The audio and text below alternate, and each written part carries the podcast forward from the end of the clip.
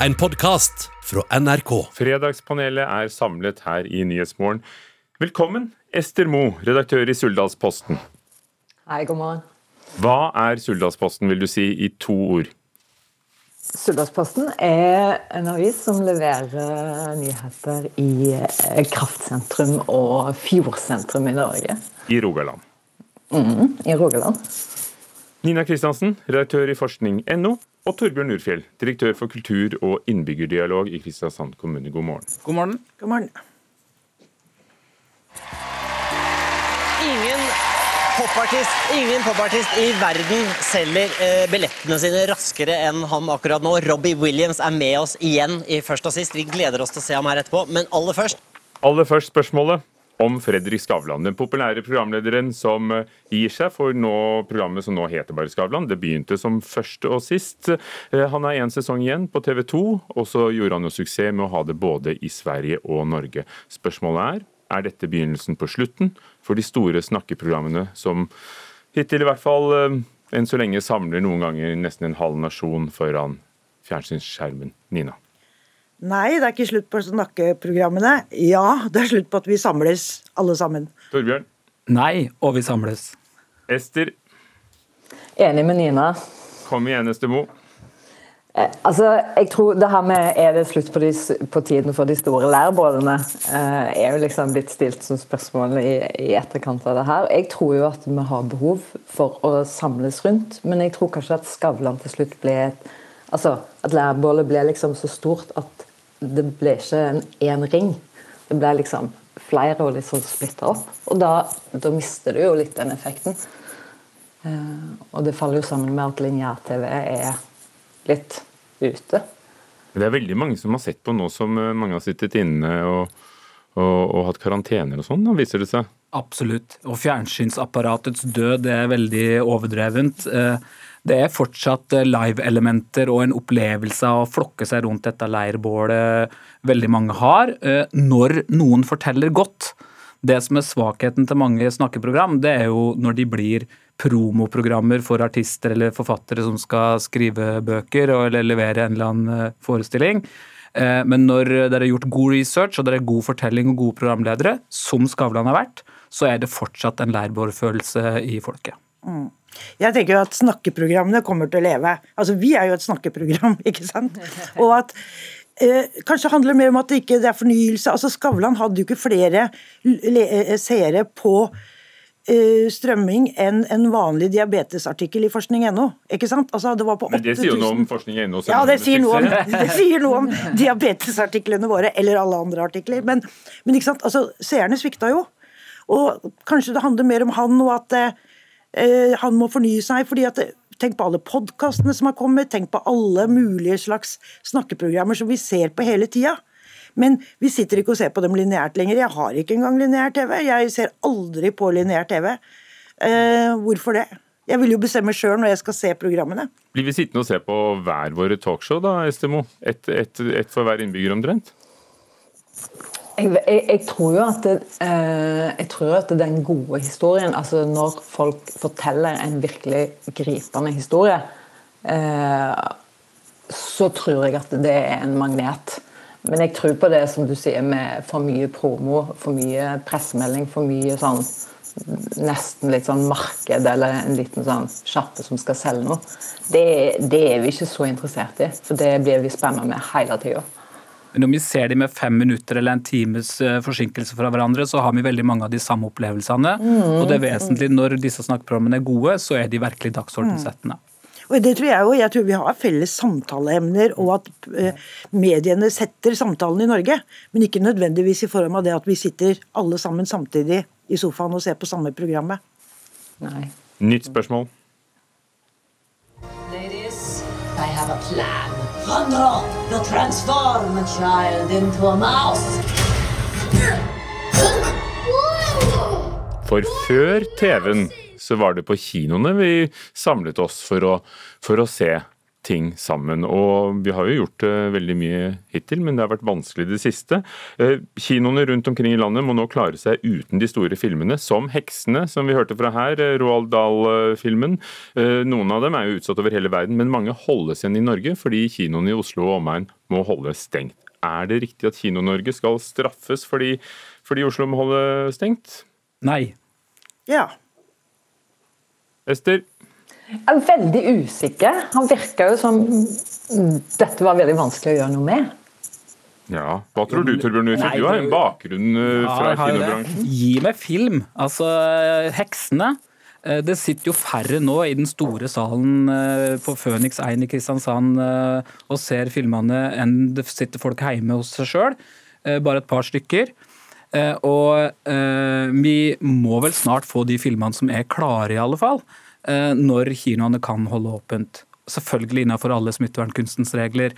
Eh, Men eh, det at den er nødt til å rulle ut filmen på nøyaktig samme tidspunkt overalt Jeg skjønner jo at det er markedsmekanismer her, men så kreative som mennesker er innenfor kulturlivet, så burde det være mulig å lage systemer som gjør til at når kinoen er åpen, så kan filmen òg vises i de ulike byene rulla ut på, på det tidspunktet det kan skje. Hvordan er kinotilbudet i Suldal? Det er ganske så bra, det. altså. Og jeg trodde jo at den digi digitaliseringen av kino skulle nettopp handle om at du kan vise Altså, du kan gønne på med det du har, men det virker jo ikke sånn her. da helt. Ja, for mener- igjen. Ja. Teknisk er det jo ikke noe problem, det er å markedet. Nei. Og så lenge det er markedsmekanismene som styrer kinotilbudet, så er det jo liksom dette her bare én av mange tap vi har lidd i pandemien, og som vi bare må tåle. Altså er Oslo 30% av markedet, så er det jo de som bestemmer hva som er lønnsomt, dessverre. Ja, Det er jo 70% som ikke er Oslo. eh, Og jeg håper jo at eh, den kreativiteten som man har vist før, den eh, kan finne plass her òg nå. Det er jo ikke Historisk sett så er det ikke så lenge siden at man hadde klokka stilt et kvarter seinere i Stavanger enn i Oslo. ikke sant? Og så måtte man behov for å standardisere. Nå trenger vi ikke den standardiseringa lenger. Vi må kun få til ordninger som gjør til at filmen vises når folk kan. Men er ikke digitalisering nettopp det å stille klokken samtidig? Alle må se James Bond eller Tom Cruise samtidig? Vi har jo akkurat snakka om at eh, Skavlan kan ses på ulikt tidspunkt. Kino, eh, hvis den skal klare å være den fremste formidleren av film framover, så må den også fornye seg på den måten. Men jeg så jo Den store forbrytelsen på TV, og nå har jeg kjøpt da dette her med at eh, film er best på kino og sånn, men den var jo fryktelig god på TV. Betalte var da, 130 kroner eller noe sånt, og så fikk vi da den inn i stua. Og har det er jo masse store, flotte TV-serier som funker på de kjempedigre TV-apparatene vi har. Så hvorfor ikke sende det hjem til oss? Estemo, har du forandret eh, tittevaner under pandemien? Nei, egentlig ikke forandra. Jeg, jeg er nok i, i seriegrepet, tror jeg. ja. Men gir det samtidig nye muligheter, det at storfilmene holdes igjen, at det kommer nettopp mindre filmer mer til sin rett? Dessverre ikke. Jeg skulle ønske det var sånn, men jeg tror ikke det er sånn. Hva sier du, Ester? Nei, jeg tror ikke heller det, altså. Du endrer ikke den der, tror jeg. Nytt spørsmål. Arkitekturopprøret brer seg, også i Norge. Det begynte nemlig i Sverige. På kort tid har Instagram-kontoen Arkitekturopprøret Norge fått over 45 000 følgere. Der legger engasjerte mennesker ut bilder av hus og gårder slik det en gang var, og så hvordan det ser ut nå. Var arkitekturen virkelig mer menneskevennlig i gamle dager? Nei. Ja, den var jo faktisk det. Ester, Ja, det var det. eller har du på deg de rosa brillene dine nå? Nei, det er litt sånn boomer-effekt, det, det her sikkert at jeg sier det. Sant? Det er nok det.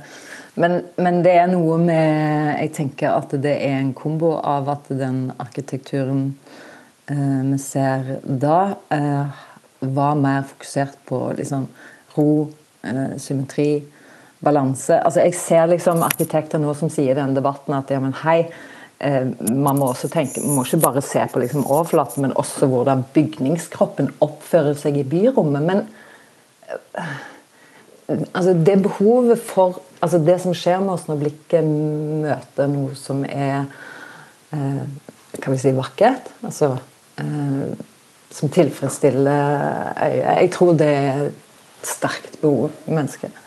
Eller er det det, Nina Kristiansen, at vi, vi, vi husker å trekke frem bilder av det som var pent, men hvis du bodde sju-åtte stykker på en ettroms i en gråbeingård, en bygård et eller annet sted uten innlagt vann og, og do i bakgården, ja, så ville du kanskje heller bo i en litt kjedelig hus med, med varmt vann og, og WC? Ja, men det er derfor jeg sier at uh, akkurat derfor, altså pga. gråbeinsgårdene, som vi elsker å gå og se på nå, ikke sant? de er så fine på Grünerløkka der de ligger, de var trange, de var mørke, de var kalde, de var overfolka. Fattig leiegårder for fattigfolk Ja. som blir utnytta. Så med spørsmålet her da, Er det liksom utseendet vi snakker om, eller er det uh, liksom hvordan de fungerer? Men det jeg har lyst til å si da, at jeg syns arkitekten har valgt et litt sånn rart standpunkt i hver gang denne debatten kommer opp, og det er jo ikke første gangen. ikke sant? Fordi de ser litt sånn ned på oss som alle som liker det gamle, det hyggelige, de ornamentene, det litt mer tradisjonelle. Fordi, øh, og så og så klager de også på øh, utbyggerne og politikerne, ikke sant? fordi at de øh, styrer for dårlig. Men Hvorfor ikke heller ta et arkitektopprør da, sammen med oss, eh, som vil ha noe annet enn de der veldig moderne og kjedelige og grå eh, bygningene, istedenfor å klage på, alle, på oss og på Er svaret å bygge nye ornamenter eh, Nei, jeg tror ikke det. Altså, problemet er jo at uh, det aller meste som bygges nå, er ganske dårlig, og så har vi noe som er kjempebra. For gråbeingårdene de står der jo fortsatt, og de er jo fantastiske. Uh, og de har jo holdt seg. Så derfor så var det mer menneskevennlig før. Da var det en, en bedre eh, standard på det jevne. Nå har vi noen fantastiske bygg, og så er det masse som er ræva. Altså butikkbygninger. eh, Og det handler om at eh, effektiviteten og profitten har slått inn. Og at eh, eiendom er et eget fag. At det er ikke eieren som skal bruke bygget som nødvendigvis legger inn materialvalg og pengene til det osv. Og det er jo ikke for ingenting at vi liksom fortsatt syns at det gamle sliperiet er et nydelig bygg, mens eh, butikkene vi bygger, veldig mange av boligene vi bygger nå, er ganske dårlige og lite menneskevennlige. Så har vi unntaket. Kilden. Jeg elsker, vi elsker jo Kilden i Kristiansand, og det er jo moderne arkitektur. Veldig stolt av det. Eller operaen. Absolutt. Så eh, det som er top notch, er fantastisk, og så bygger vi altfor mye som er ganske så dårlig. Estimo, Ja, tror du ikke hvis du spurte noen i 1880 at de hadde sagt det samme, at eh, før var det pent da? Jo, men Det er utrolig viktig å skille mellom eh, det som vi, hvordan vi ser det innenfra og ut, og utenfra og inn. sant? Fordi at det med hvordan du bor, er jo, er jo en arkitektur for seg selv. Men jeg tenker på det der med at mastodontene sant? tar vekk det som er karakteristisk. For det handler ikke bare om estetikk, men òg om det hva er det som gjør at du føler deg hjemme? Hva er det som er karakteristisk? Altså, Arkitektur gir jo òg spor av hvor hen befinner du deg i verden. Det er en slags link til hjemme òg, eller til en stedfølelse. Og, ja. Vi lar det stå som siste ord, vi. En, eh, en link til å være hjemme. Takk skal dere ha for at dere mm, var hjemme her i Fredagspanelet. Estemo, redaktør i Suldalsposten, Nina Kristiansen, redaktør i Forskning.no, og Torbjørn Urfjell, kulturdirektør i Kristiansand. Du har hørt en podkast fra NRK. Hør flere podkaster og din favorittkanal i appen NRK Radio.